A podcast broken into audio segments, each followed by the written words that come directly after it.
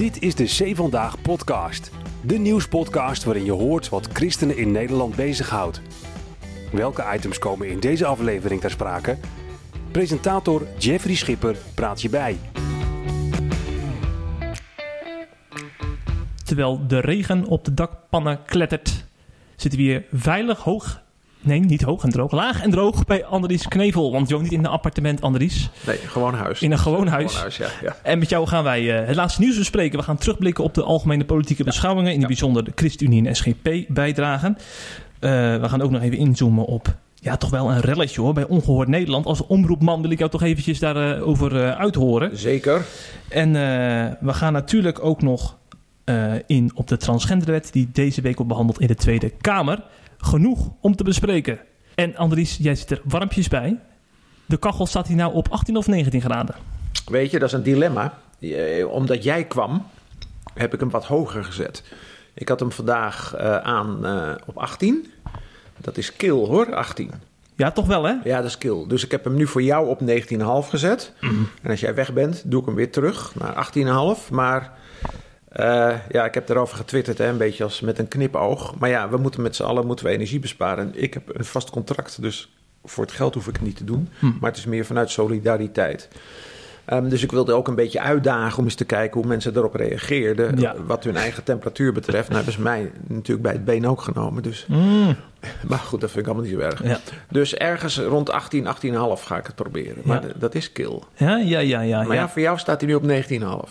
Oh, dat vind ik heel aardig. oh, oh, ja, ja, ja. ja. want ik ben een koukleum, Andries. Nou, dat kijk, wil je niet weten. Kijk, Ja, zeg maar, eh, wij gaan natuurlijk eh, even zo meteen eh, de inhoud in. Hè. De politiek Den Haag staat toch wel een beetje centraal in deze podcast. Er wordt heel, heel veel besproken deze weken. Ja. Maar wij willen natuurlijk wel beginnen met onze rubriek. De ergernis van de week.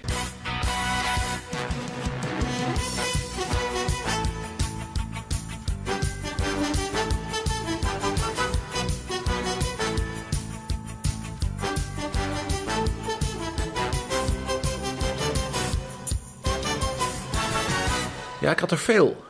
Oh, Ja, en ik ben een vreedzaam mens, maar eh, ik had er veel, dus ik moest een beetje kiezen. En uiteindelijk heb ik gekozen voor het feit dat ik vind dat ehm, er vanuit het Westen, het Vrije Westen, heel weinig steun is, in ieder geval verbale steun, morele steun, voor de mensen in Iran die eh, opstaan tegen het eh, regime. Het zijn de vrouwen natuurlijk, Ja. met, maar het zijn ook jongens, mannen die meedoen. En ik vind dat wij dat in West-Europa wat gelaten over ons heen laten gaan. We kijken ernaar, we vinden er wat van. Gelukkig heeft de Franse regering nu een, eh, een, een groot protest laten horen. Maar kijk, op het moment dat die islamregering daar denkt van... nou, het maakt dat Westen toch allemaal niet zoveel uit wat wij doen... dan kunnen ze er harder op inslaan. Hè? En dat Ja. doen ze natuurlijk al. Ehm, dus ik vind dat veel meer dat wij de morele plicht hebben om te protesteren tegen wat er in Iran gebeurt. Ehm, om, als het ware, die mensen een klein beetje te beschermen tegen een al te bruut optreden van die eh, moslimmannen. en ik vind dat, eh, dat het te weinig gebeurt. Dus dat is mijn ergernis van deze week. ja, ja, ja. U moet wel even een kanttekening maken. We zijn natuurlijk ook wel een beetje druk met Poetin, hè? U kunt toch niet alles bijhouden, eh, Andries? Nee, eigenlijk, nee, nee, als je beelden ziet op televisie, is het vooral nu wat er in Rusland gebeurt rondom de reservisten. En alle beelden van jongens die niet willen of die dronken zijn. Maar toch ook wel wat beelden van, eh, beelden van wat er in Iran gebeurt. Dus dat zei, ik vind dat op dit moment de twee focuspunten. Ja. Ja, maar aan de andere kant, je weet ook op dit moment veel. eh nou, althans, je weet niet zoveel, maar er is ook een enorme hongersnood in Oost-Afrika aan de gang. Dus ja, je moet je aandacht wat verdelen. Ja. Ik kan ook boos worden over Oost-Afrika, maar ja. Ik had, dit, had, dit was eh, wat mij prangt. En ik vind ook dat de steun vanuit de moslimwereld in Nederland voor de mensen die opstand komen tegen de moslimoverheid in, eh, in Iran op dit punt dan, vind ik ook buitengewoon eh, gering. Het laatste nieuws uit Christelijk Nederland bespreken we in de C Vandaag podcast.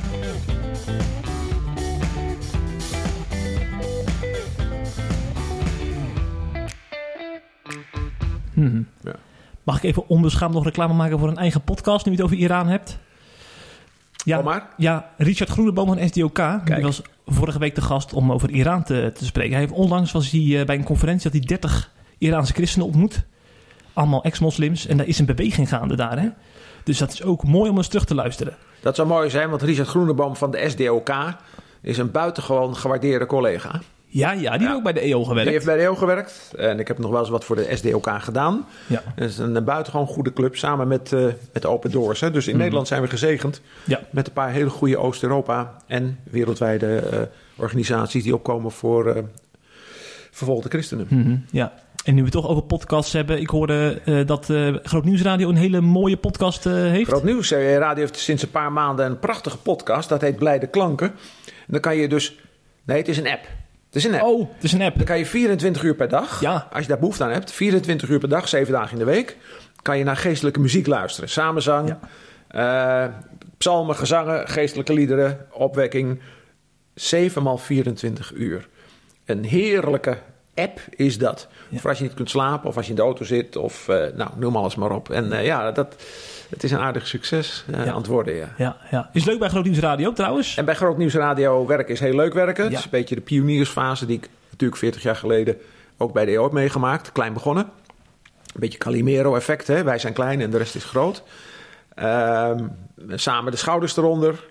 en die sfeer uh, die, die proef ik ook een beetje bij, uh, bij Groot Nieuws Radio. Mm -hmm. Niet zozeer dat ze bang zijn voor, uh, voor grote mensen, maar een beetje die pioniersfeer. Ja. Dus vind ik buitengewoon plezierig om in die pioniersfeer sfeer te werken. En het bedrijf groeit aardig, dus dat is mm -hmm. ook leuk om mee te maken. Ja. Ja, ja. Ik ben er op mijn plek. Ik denk dat er wel ChristenUnie-Kamerleden zijn die ook wel eens naar Groot Nieuws Radio luisteren. Dat lijken wel mensen die dat wel waarderen onder wie misschien wel Gert-Jan Segers, die natuurlijk ook een bijdrage had vorige week tijdens ja. de algemene politieke beschouwingen. Uh, even een algemene indruk, Andries, voordat wij uh, inhoudelijk erop ingaan. Kijk je tevreden terug op... Uh, Oh, op de hele algemene ja, beschouwingen? Ja. Nou, ik heb een heel stuk zitten kijken. Ik, en eh, als je je nou toch ergert, dan erger je natuurlijk ook rot op het moment dat je naar die algemene politieke Dat beschouwing zit te kijken. Vanwege de ophef, vanwege het vertier. En dan heb ik het niet alleen over die affaire rond Thierry Baudet. Maar breder hoor. En dan zie ik die ministers zitten. Ik heb een tweet gemaakt, hè, vlak voor de beschouwingen. Namelijk dat, even uit mijn hoofd. Je zult toch maar minister zijn met een energiecrisis en een woningcrisis en een asielcrisis en nou, normale crisissen maar op. En, en je werkt je een slag in de ronde natuurlijk om, uh, om beleid te kunnen maken, om problemen op te lossen. Dus dan heb ik gezegd respect. Respect voor de ministers. Nou, dat is me niet helemaal in dank afgenomen. Mm, nee. ja, maar dat blijf ik vinden. Ja. Ik vind dat uh, wij onze bewindslieden heel veel respect verschuldigd zijn. Mm. Mede en dat is natuurlijk altijd wel zo geweest, maar ik vind het nu al heel erg. Mede vanwege alle grote problemen waar de regering mee te maken heeft. Mm -hmm. En ik heb, uh, ja, ik heb een aantal gedeelten van het uh, debat maar even zitten kijken. Maar af en toe dan word je zat. Maar dan zit je ook naar die ministers te kijken. Die dus 13 jaar uur lang, de eerste termijn. 13 uur lang. En al die sommige kletsverhalen zitten te luisteren. Moeten luisteren. En dan Ja. de tweede dag nog eens een keer, althans Rutte en Kaag daar urenlang op moeten antwoorden. En dan gaat Rutte nog een keer s'avonds het vliegtuig in om de volgende dag de algemene vergadering van de Verenigde Naties toe te spreken. Dus ik, zeg, ik zeg tegen Mm. mijn vrouw. Hoe kan dat nou? Fysiek alleen al. Ja, Hoe ja, ja, kan je dat redden? En hij is alweer terug en hij doet er weer van alles. Mm. Ik zou het niet kunnen. Nee, nee, Nee. ik ook niet. Ik, Ik, zou ook het niet. niet kunnen. Nee. Zeg, en dan zitten we dus die algemene beschouwingen te bekijken. En dan zien we s'avonds natuurlijk de christelijke voormannen voorbij komen. En die moeten altijd eventjes wachten. Ach, ach, ach, die moeten uren wachten. Ja, Ja, ja. En Gert-Jan Segers, die had eh, ja, de vier Ja. vrijheden Ja. op een rijtje gezet. Hè? De, vrij, de vrij zijn van gebrek, vrij zijn van angst, de vrijheid van meningsuiting en de vrijheid van godsdienst. Dat waren een beetje de vier pijlers waar die zijn Ja. betoog op eh, baseerde. En eh ja, tussendoor zie je toch wel zijn boodschap eh, doorcijpelen hè, van, eh, tegen neo, neoliberalisme. Eh, dat is een beetje zijn rode draad geworden, lijkt het wel. Geworden de laatste tijd. Ja, ja, ja. ja, Wat, wat, wat vond je van zijn bijdrage? Ja, ik vond, hem- ik vond hem mooi. Ik vond die opbouw via die vier vrijheden van Roosevelt was dat, hè? Ja. Die vond ik, eh, vond ik mooi. Dat eh, een mooie kapstok om, om je... Kijk, bij de algemene politieke beschouwingen... dan zeg je weer eens eventjes wie je bent ook. Hè? Dan ga je niet alleen Ja. op, op allerlei incidenten in... maar dan laat je weer even zien... hier staan we voor... Dit zijn wij als partij, zo kijken we naar de samenleving en naar de huidige problemen natuurlijk.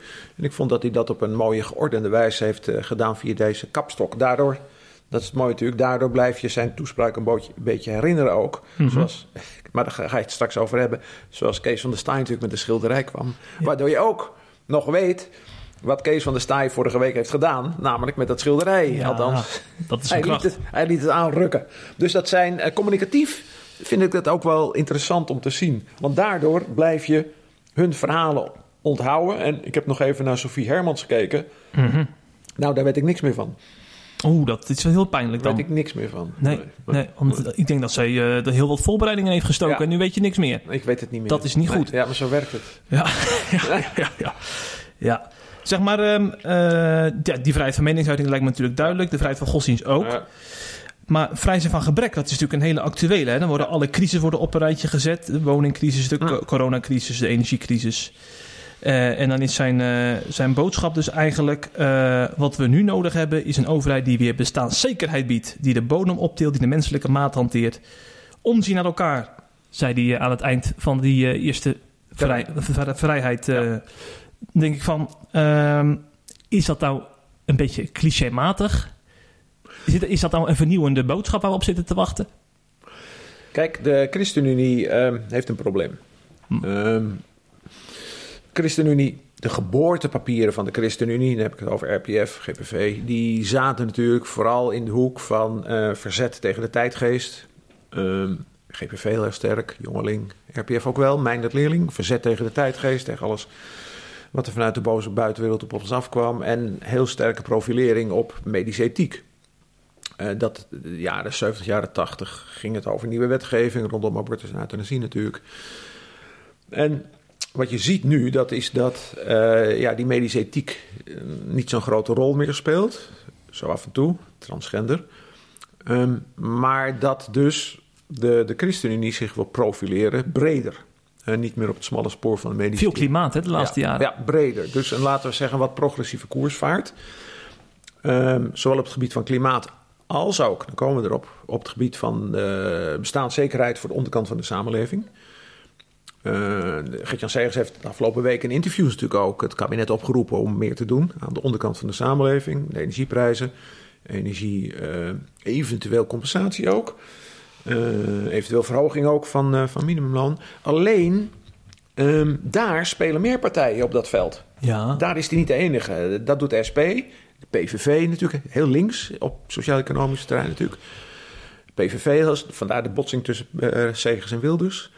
Uh, Partij van de Arbeid, GroenLinks. Dus het geluid wat de ChristenUnie daar wil horen is geen uniek geluid. Dan Nee. zingen ze meer mee in een koortje van anderen. Hm. En dat betekent dat je op dat terrein dus redelijk uh, onzichtbaar wordt.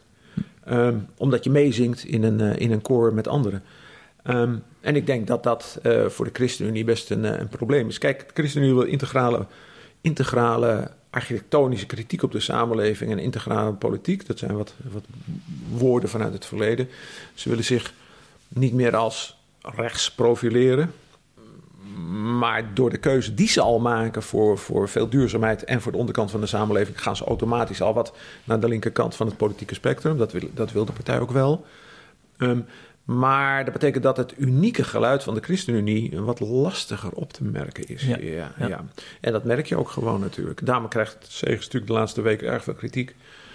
Uh, zowel van links als van rechts. Mhm. Um, dat is een lastige positie, maar ik denk dat het een positie is die ze wel bewust, wel overwogen kiezen. Ook geïnspireerd door het evangelie.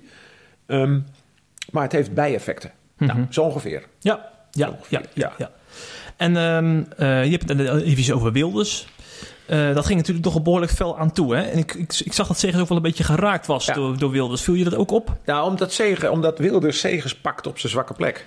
Namelijk uh, of hij nog wel een deugdzaam christen is. Ja. Of christenpoliticus is op het moment dat Segers te weinig aandacht schenkt aan de onderkant van de samenleving, aan de behoeftigen.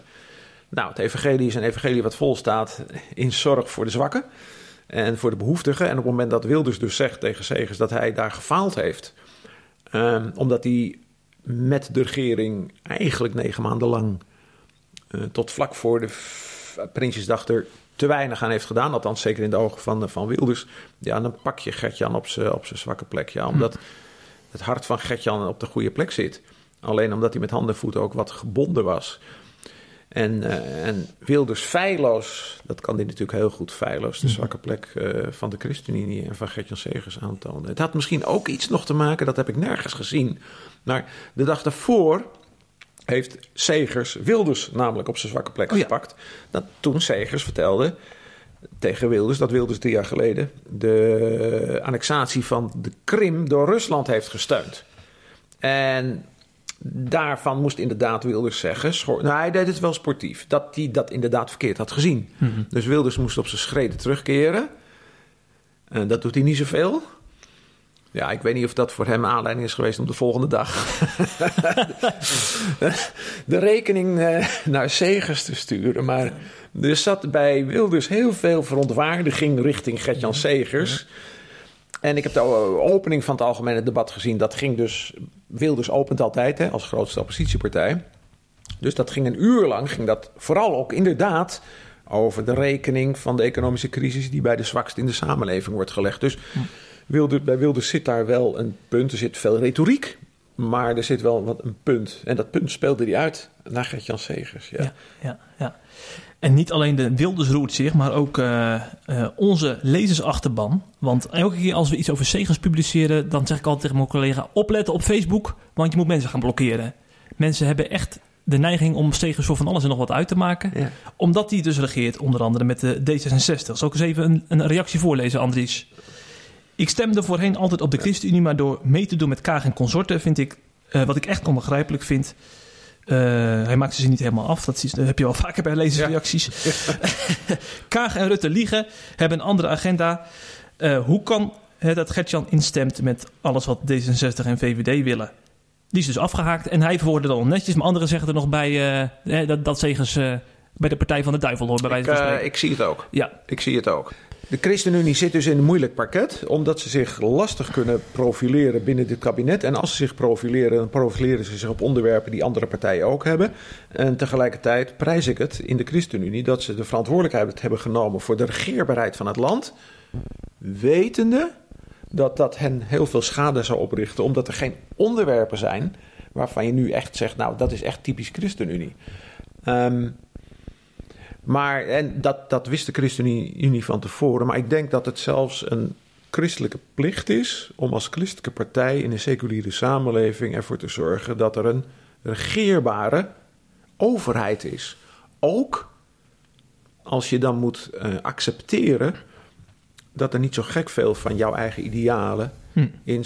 En profilerende idealen. Hè? Want dat, dat, dat deze overheid veel doet aan duurzaamheid, dat steunt de ChristenUnie. Alleen dat is niet een uniek- selling point van de ChristenUnie. Dus beleidsmatig eh, maakt de ChristenUnie best punten, maar qua profilering eh, niet zo gek veel. En dan zitten ze natuurlijk ook nog met D66. Ja, Nou ja, dat dus. ja. ja. En het is misschien een ongelukkig bruggetje, maar dan ga ik nu naar de Toren van Babel. ik weet niet wat D66 daarmee te maken heeft. Maar eh, Kees van der Staaij had het daarover. Inderdaad, een mooie schilderij eh, de Kamer ingekregen. Om het ook het, het, het plaatje bij het verhaal te schetsen.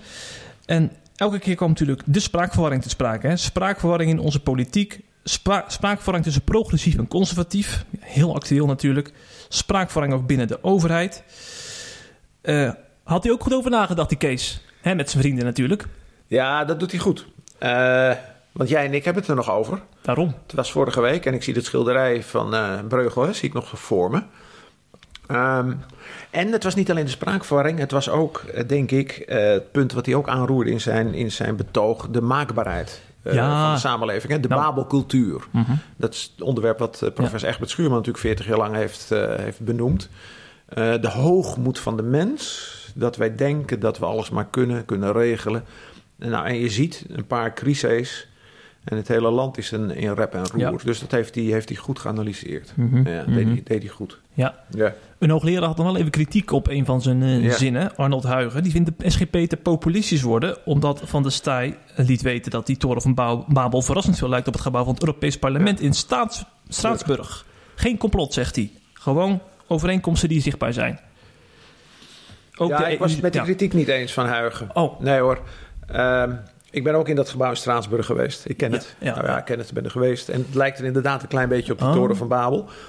En het is natuurlijk van de zotte dat er twee van die, eh, van die gebouwen zijn. Eentje in Brussel en in Straatsburg. En dat we... ja, had hij ook eh, kritiek op, hè, die Van der Staaij. Ja, die verhuizing iedere maand. Ja.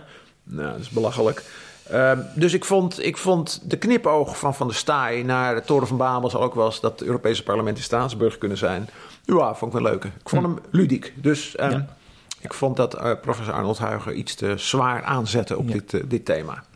Ja, en ook onderbouwd, hè, want hij heeft natuurlijk nog uitgelegd waarom de EU in zijn ogen inderdaad eh, wel een tandje minder kan. Ja. En eh, ja, dat was, dat was niet alleen maar een losse vlodder, zal ik maar zeggen. Nee, en de, crisis- en de SGP is natuurlijk veranderd. Qua visie, de SGP was natuurlijk helemaal anti, anti-EU, Ja. anti-euro. Ehm, en is wat dat betreft best ook wel wat bijgedraaid. Ziet dus wel in dat eh, een vorm van samenwerking binnen de Europese Unie... dat dat voor alle landen, laat het misschien dan niet voor ons zijn... maar voor andere landen wel zegenrijk kan zijn. Mhm. Dus je ziet dat de, Christ, de ja, ChristenUnie ook... maar je ziet ook dat de SGP eh, richting eh, Europa... eh, van mening is veranderd. Evenals inderdaad eh, de ChristenUnie. Hè. Eh, we waren vroeger ontzettend sceptisch. Ik weet nog wel dat in de jaren 70 en 80, eh, met name vanuit het zoeklicht, maar ook Willem Ouweneel, de EU werd gezien als Ja. het teken van het beest. Zeker. De afgerond, de tien sterren. Ik heb Kids er nog over geïnterviewd. De Velde, Willem Ouweneel.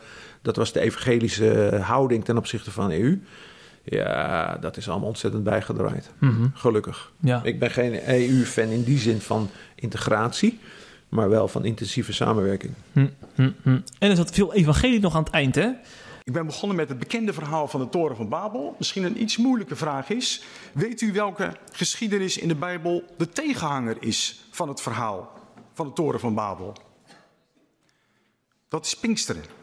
Het Pinksterfeest. Door Gods geest gingen duizenden mensen vanuit allerlei talen en landen en volken elkaar opeens verstaan. Want de geest spreekt alle talen en doet ons elkaar verstaan.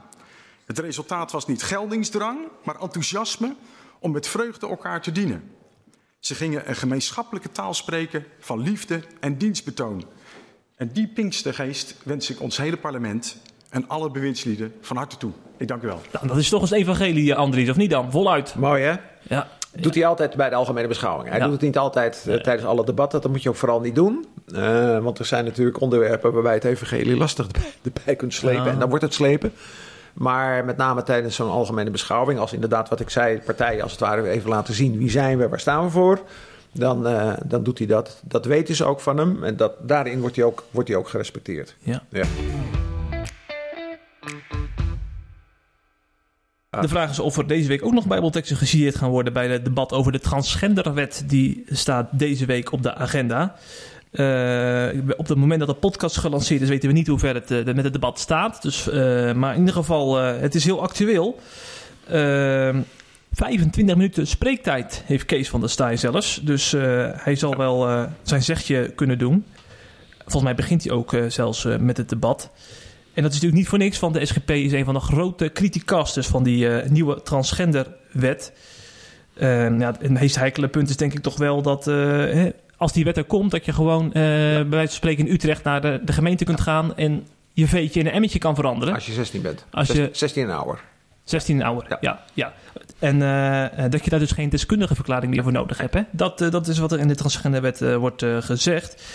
En daar is natuurlijk ook heel wat al aan vooraf gegaan. We denken natuurlijk aan het manifest gendertwijfel. Hè? Door heel wat hoogleraren en ethici ondertekend. Ook veel niet-christelijke eh, denkers zitten daarbij. Zeker, want je ziet ook dat een van de partijen die erg tegen is, is de PVV, is Geert Wilders. Ja, dat is wel dus om maar eens eventjes een, raar verbond eh, eh, Ja. te zien. Ja. Ja, ja, ja.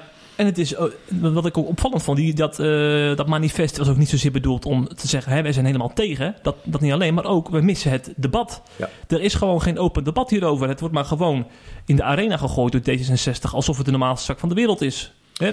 Journalist Jan Kuitenbrouwer is al maanden, dat is geen christen, is al maanden bezig eh, om dit eh, op de agenda te krijgen en dit ook te analyseren. Dus Hm. ook geen christen, maar die zegt ook, hoe kan het nou dat zo'n ingrijpend wetsvoorstel, wat wij ingrijpend vinden, D66 zegt, ach, het is een administratieve handeling, dat zo'n ingrijpend wetsvoorstel zo en passant als het ware een beetje door het publieke debat enerzijds en ook de Tweede Kamer anderzijds wordt eh, geloosd. Dus je ziet wel een uniek verbond van eh, christenen en niet-christenen.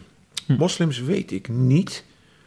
Denk het haast wel dat een partij als Denk hier toch ook tegen is. Maar dat heb Ja. ik niet zo gezien, eerlijk gezegd, tot nu toe. Hm, hm. Nee, dat moet deze week dan nog uh, dat moet allemaal eh, blijken, ja. Ja. ja, ja. Ehm, in ieder geval ehm, eh, hebben Bart-Jan Spruit en de zijnen... die hebben van zich laten horen in de media. Ik zag, dat is een bekende opiniemaker hè, in de christelijke wereld, Bart-Jan Spruit. Die heeft volgens mij in elk medium wel een opinieartikel geschreven... waar die, waar die vaak te zien is. Bij Family 7 zag ik hem voorbij komen.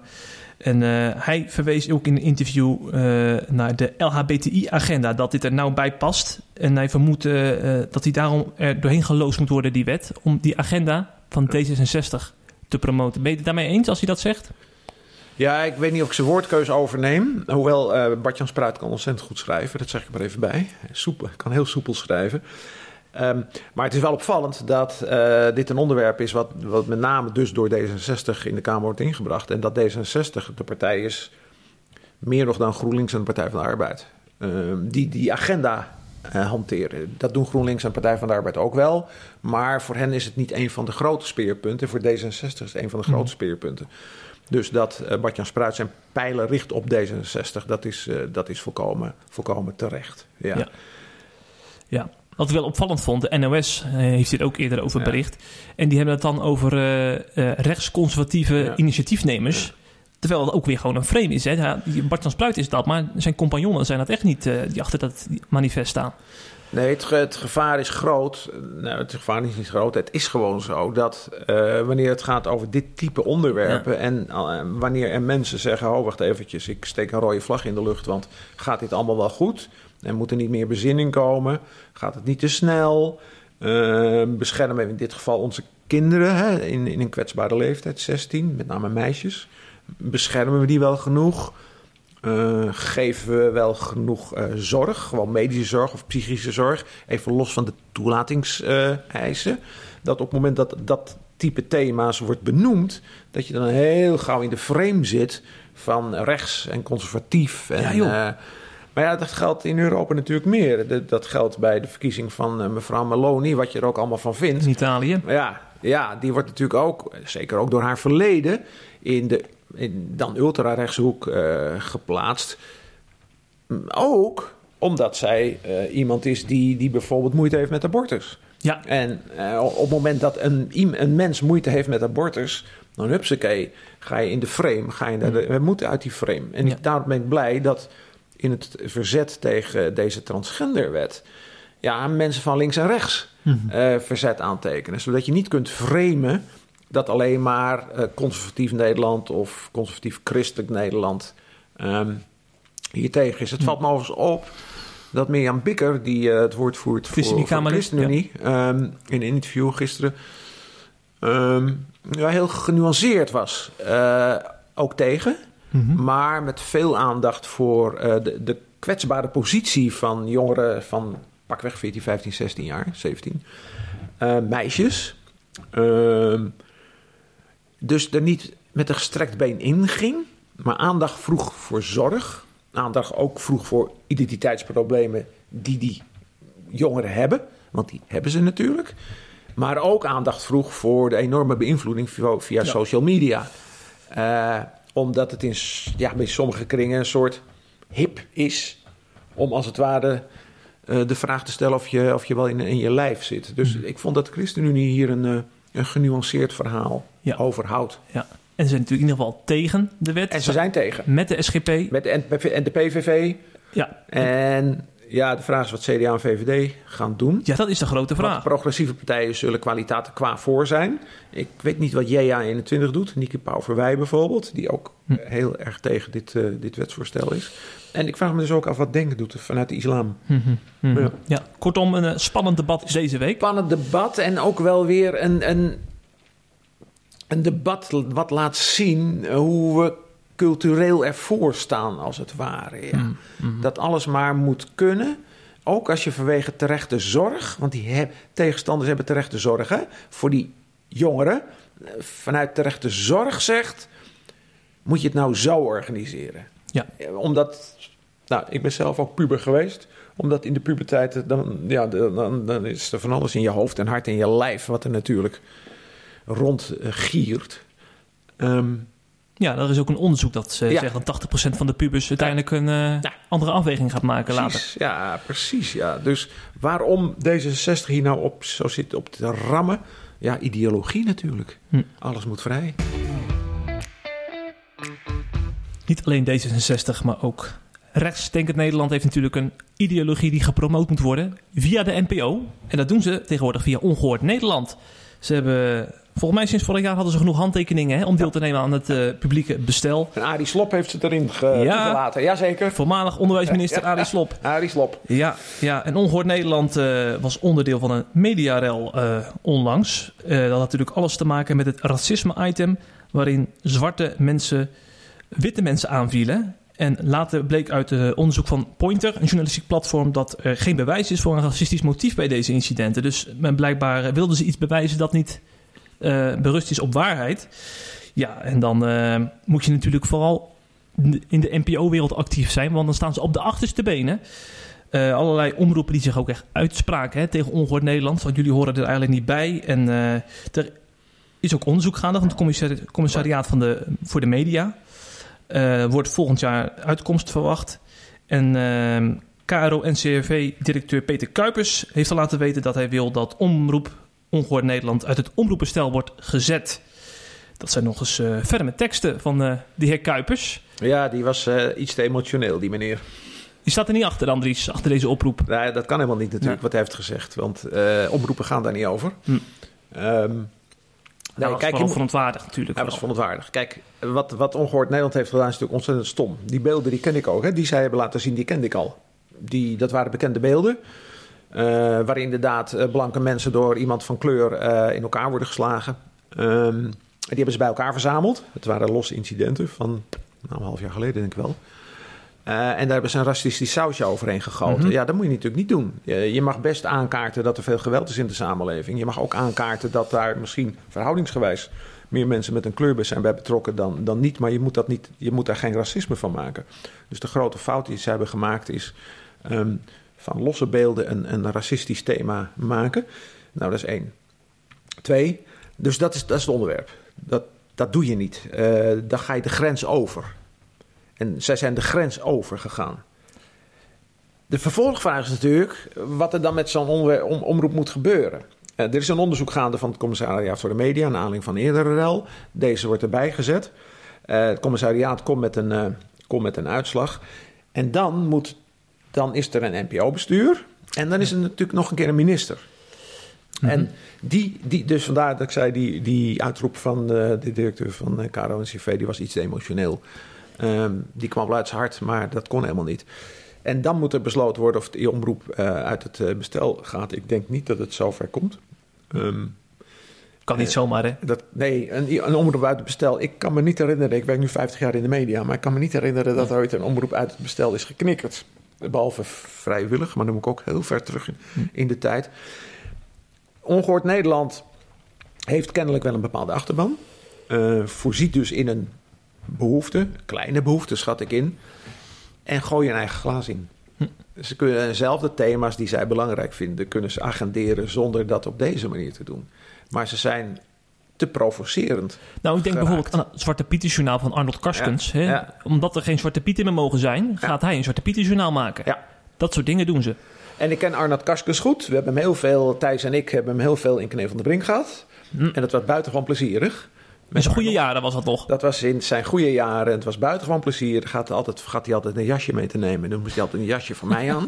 dus hij heeft veel in jasjes van mij in Kneel van de Brink gezeten. Dat was plezierig. Maar hij is, hij is... Ja, hoe moet ik dat nou zeggen? Hij is qua visie zich heel erg gaan verengen. Want het was een oorlogsverslaggever, hè? Hij zat in de hele wereld. Eh, en we hebben hem veel ook kunnen gebruiken, om dat woord maar even te gebruiken. Ehm, maar hij, is- hij, hij, is, hij is zich gaan versmallen tot, tot dit ene enge thema. Ja. Dat is een goed recht, Mhm. maar hij doet het niet goed. Nee, nee. Zo oké. moet je het zeggen. Ja.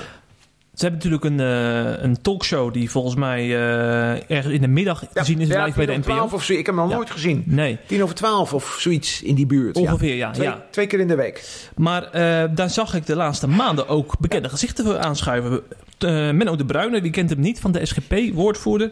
En Tom de Nooier, eh, SGP lid nog altijd, maar is dus lokaal overgestapt naar een eigen lokale partij. Die heeft ook drie of vier zetels veroverd In Oldenbroek. In Ja. Oldenbroek. Is echt een opiniemaker geworden Ja. hè, voor, de, voor zijn achterban. ja. En die schuiven dan daar aan. En dan denk ik van, met dit in het achterhoofd, is dat verstandig? Met je christelijk-conservatieve idealen. De vraag is of je dan zo'n omroep legitimeert als je er zelf gaat zitten. En dat vind ik een lastige. Ja, Want ik ben natuurlijk ook in mijn leven bij alle andere omroepen geweest. Ook bij omroepen waar ik het niet zo erg mee eens was. ja. maar goed, die gingen niet over de grens. Ehm, dus ik heb daarover na zitten denken. Kijk, Tom de Mooier, Tom de Nooier, moet zijn naam goed uitspreken, is iemand die zich heel erg sterk identificeert met ongeveer het geluid. Ik moet voorzichtig zijn, ongeveer het geluid van Ongehoord Nederland. Menno de Bruyne ietsje minder. Kijk, ja, op het moment dat je je ermee identificeert, ja, dan zou je geen probleem hebben om daarmee op te treden. Hij heeft er een aantal keren opgetreden al inmiddels. Hè? Hij heeft ook met Baudet samengezeten. ja, onlangs nog. Ja. Ehm, ik heb zitten denken, stel je voor dat ze mij nou zouden vragen. Ja. Ja. Je kun, Ja. dan kun je zeggen, ik ga lekker het debat aan daar. Ik ga een tegengeluid laten horen. ja. Ik denk dat ik er alleen zou komen als ik zou mogen praten over de ontwikkeling van het puritanisme in de 17e eeuw. Ik kan wel even wat. Ja. Mijn, mijn studieonderwerp van vroeger. Maar daar zullen ze me niet voor vragen. Nee. Nee, dus ik, ik zou sterke aarzeling hebben, ja. Mm, ja. mm, mm. Ja, want je noemt Baudet. Het is wel een pijnlijk beeld, los van de, even wat er gezegd wordt. Als je zo'n Tom de Nooijen naast Baudet ziet zitten... maar je denkt dat toch al gauw in je hoofd... dat zijn eh, eh, ideologische broeders van elkaar. Dat Ja. beeld, dat doemt op. Dat is pijnlijk. En televisie is beeldvorming. Ja. Eh, dus op het moment dat je zo'n plaatje ziet, dat geldt net zo voor eh, het schilderij van, eh, van Kees van der Staaij van vorige week. Beeldvorming, plaatje. Ja, dus je moet heel goed Hm. weten wat je, wat je doet. Ja. Om hem wel even voor de Nooijer op te nemen. Hij heeft wel minstens één keer Baudet tegengesproken. Want Baudet heeft toen al die kabinetsleden uitgemaakt voor idioten. Ja. En toen zei de Nooijer, verwees ook naar een vers uit Spreuken... Van dat het, eh, dit geen taalgebruik is dat, eh, dat, dat handig is en ook niet past. Dus dat, dat moeten we dan wel eh, in de Nooijer prijzen, dat hij dat doet. Oké. Ja. Maar goed, het is, het is lastig, ja. Wat doe je met zo'n uitnodiging?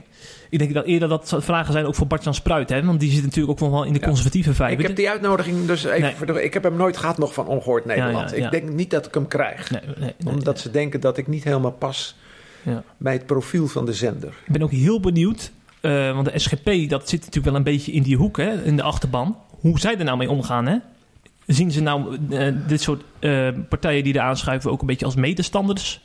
Of gaan ze zich daar van gaan, hè, gaan ze de deur dicht doen? Want op een gegeven moment, als het doorradicaliseert, moet je toch een streep trekken, zou je zeggen. Kijk, de SGP, de SGP wordt tegenwoordig wat verweten dat ze wat meer de populistische toer opgaan. Hè? Ja. Ehm, en daar is in die zin iets voor te zeggen dat.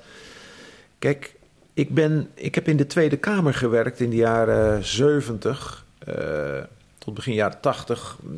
En toen had je SGP-leiders als Abma, Van Rossum en Van der Vlies. Nou, dat waren minzame mannen die een debat nooit zo op de spits dreven ook. Die met een zekere, ja, hoe zeg je dat nou? Met een zekere mildheid de, de gesprekken voerden. Dat past ook in die cultuur. Tegenwoordig heb je een andere cultuur. Je hebt de social media cultuur, je hebt de snelle jongenscultuur, de snelle reactiecultuur. En je ziet dus ook dat de SGP...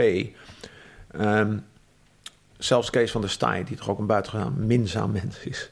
En de andere twee zijn ook minzaam mens. Zich ietsje, er zit meer zelfvertrouwen in de SGP, zo moet ik het zeggen. Er zit meer zelfvertrouwen in dan in de nederige houding van de broeders van vroeger.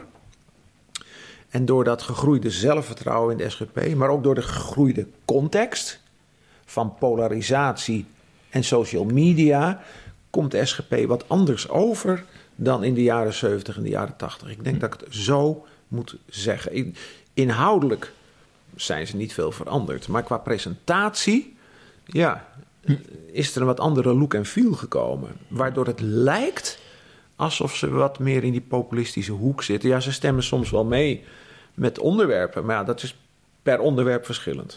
Zeg ik het zo goed? Ik denk dat ik het zo Mhm. het is goed helder. zeg. Het is helemaal Ja, helder. Ja. Ja, en ook, ik vind het ook een mooi moment om de politiek af te sluiten. Oh, mensen moeten nou. niet het idee krijgen Jo. dat we een politieke podcast aan het maken zijn. En dus gaan we naar Reinier Zonneveld.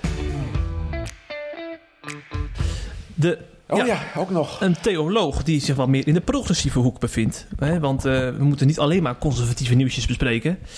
Uh, Reinier Zonneveld werd geïnterviewd door het Nederlands Dagblad. En die heb ik even naar jou gestuurd, Andries, want daar wilde ik het toch nog wel even over hebben. Want, uh, dus dat hoeft er niet, want ik lees het Nederlands Dagblad. Je had hem al gelezen. Ja, precies, dat de mensen Kijk, niet denken dat het Nederlands Dagblad niet leest. Nee, nee, Oh. dat moeten ze niet denken. Poep. Zeker niet. Nee, st- stel je voor. Ja. Ik, eh, tegenwoordig is het niet meer Sjerre Kuiper, maar Nico de Feiter, hoofdredacteur. Die moet toch wel weten dat Andries eh, is, is gebleven, toch? Ja. ja. Maar eh, Hierbij recht gezet. Zonneveld heeft een boek gepubliceerd, eh, genaamd Rally Detox. En het is een zelfhulpboek voor lezers om eh, ehm, ja, eigenlijk manipulatie in de kerk bloot te leggen. En dat kunnen ze aan de hand van dat zelfhulpboek, kunnen ze, ja, hebben ze daar een handreiking voor gekregen, laat ik het zo zeggen. En hij doet nogal ferme uitspraken, vind ik eigenlijk, in het interview. Ehm, eh, dan de vraag de vragen stellen dus in, eh, in het ND van eh, wat voor schadelijks klinkt er dan zo al in kerken? En dan verwijst Zonneveld naar de Heidelbergse catechismus. Dat wordt verkondigd dat mensen zondig en verdorven zijn. En dat kan dus onderdeel zijn van een ma- manipulatief systeem, zegt hij. En hij komt ook heel veel in aanraking met mensen hè, die in die kerken zijn geweest. En eh, ehm, ja, die moeten eigenlijk toch een soort van begeleiden, omdat ze in dat systeem echt hebben geleden. Ehm, hoe, hoe heb jij het interview eigenlijk gelezen? Los, even los van deze quote, want het is natuurlijk maar een flodder uit het hele interview. Kijk, interviews met Reinier zijn altijd boeiend. Sowieso. Want eh, hij zegt wat. Ja, Ja. En zijn boeken eh, vind ik ook boeiend en uitdagend. Eh, de Stilte van God. Het boek over de verzoening natuurlijk. Hè, wat een steen in de vijver is geweest. Groot congres in Kampen. Ik ben er ook geweest. Dus ik wil maar even zeggen, als Reinier wat zegt, dan, dan luister ik. Ik las het interview. En toen dacht ik... Hmm, hmm. Kijk, Reinier zegt dat hij wekelijks iemand aan de telefoon krijgt of eh, in zijn hulpverleningshouding, die dus leidt onder manipulatie, zowel in de reformatorische wereld als in de evangelische ja, dat wereld. is wel heftig om te lezen hoor. Ja, en ja, dat, dat, dat, ja dat, dat zal zo zijn. Dus eh, daar kan ik niks van zeggen. Eh, als hij wekelijks wordt gebeld daarover, dan, dan is dat zo. Ik word nooit gebeld over dat type, type zaken. Maar ik sta Mhm. ook niet bekend denk ik, als, als hulpverlening, hulpverlener richting manipulatie in de evangelische en reformatorische wereld. Maar ik vond zijn teksten vond ik, vond ik nogal stevig. Wordt er zoveel gemanipuleerd? Gaat het bij dominees en evangelisten vooral om hun status, wat hij ook zegt, hè? Mhm. Het is zijn waarneming. Het is niet mijn waarneming. Nee. Kijk, als wordt gezegd dat een mens een zondig mens is, of hij citeert Heidelberg, Catechismus, eh, geneigd, eh, onbekwaam tot enig goed, geneigd tot alle kwaad. Dat is overigens in de context van eh, de zaligheid. Hè? Niet, dat is niet de context van het hele leven. Mhm. Die quote uit het catechismus wordt nog eens een keer verkeerd gebruikt. Maar op het moment dat een mens echt wordt verklaard dat hij een zondaar is en dat eh, zonder genade er voor hem geen hoop is, dan kan je dat natuurlijk manipulatie noemen.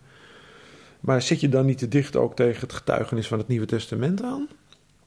Ehm, nou, dat zijn vragen die ik heb bij, eh, bij het interview met, eh, met hem. Ik heb zijn boek nog niet gelezen. Hm. Want ik denk dat je ook een aantal teksten uit het Nieuwe Testament, als je een beetje verkeerd wilt, ook manipulatief kunt noemen. Indien u niet, dan hè, zijn teksten natuurlijk in de, in de Bijbel. Nou zal Reinier er wel wat anders mee bedoelen met manipulatie dan eh, dit type voorwaardelijke tekst, om het zo maar te zeggen, uit het Nieuwe Testament. Nou, ik vind het een, eh, een boeiend onderwerp. Ik schort mijn mening nog op. Ik vind het onderwerp in het Nederlands Dagblad vond ik heftig. En ik heb zelf die ervaring niet, ook niet als kerkganger.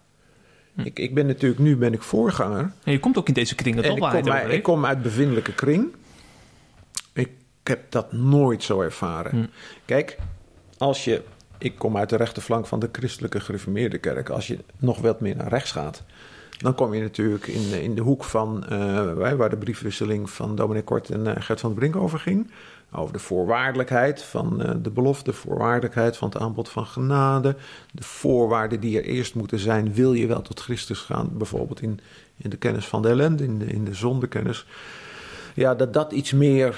Dan begrijp je hem wel als je daar... Ja, ik weet niet of je het woord manipulatie wil gebruiken. Hm, hm. Eh, Gebruik eens een ander woord dan manipulatie. ja, ja, ja. Dus dan begrijp ik hem meer. Mhm. En in de evangelische wereld van vroeger, maar tegenwoordig niet meer, Maar in de vroegere evangelische wereld had je dit natuurlijk ook wel. Oh, er heeft een verlichting plaatsgevonden, hoor ik je zeggen In daar. de, de evangelische wereld is mainstream geworden.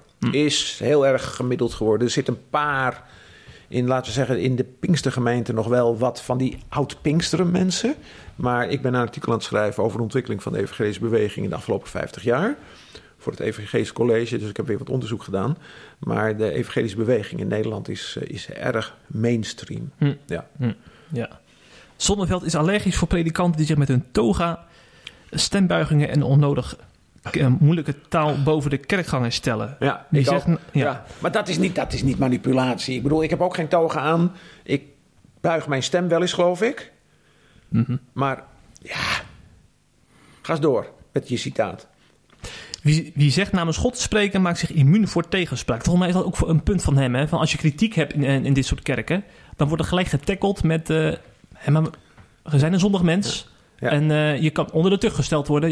Mensen worden natuurlijk ook bezo- eh, bezocht thuis als ze bij het avondmaal zijn geweest. Maar nu heb je het echt alleen over de rechterflank van de Griffmiddelgezinten. Ja, Hij heeft het ook over de evangelische beweging. ja de heel breed trekt de preder. Daar word je Ja. niet zo erg onder tucht gesteld. Nee, die hebben, nee, die nee. hebben ze niet. Nou, of, of eh, er zijn natuurlijk ook wel ongeschreven regels daar. Hè? Je hebt natuurlijk evangelische kerken. Da- dan weet men gewoon, als je daar seks voor het huwelijk doet, Ja. Ja, dan heb je het daar heel zwaar. Ga dat maar eens eventjes open en bloot vertellen. Ja.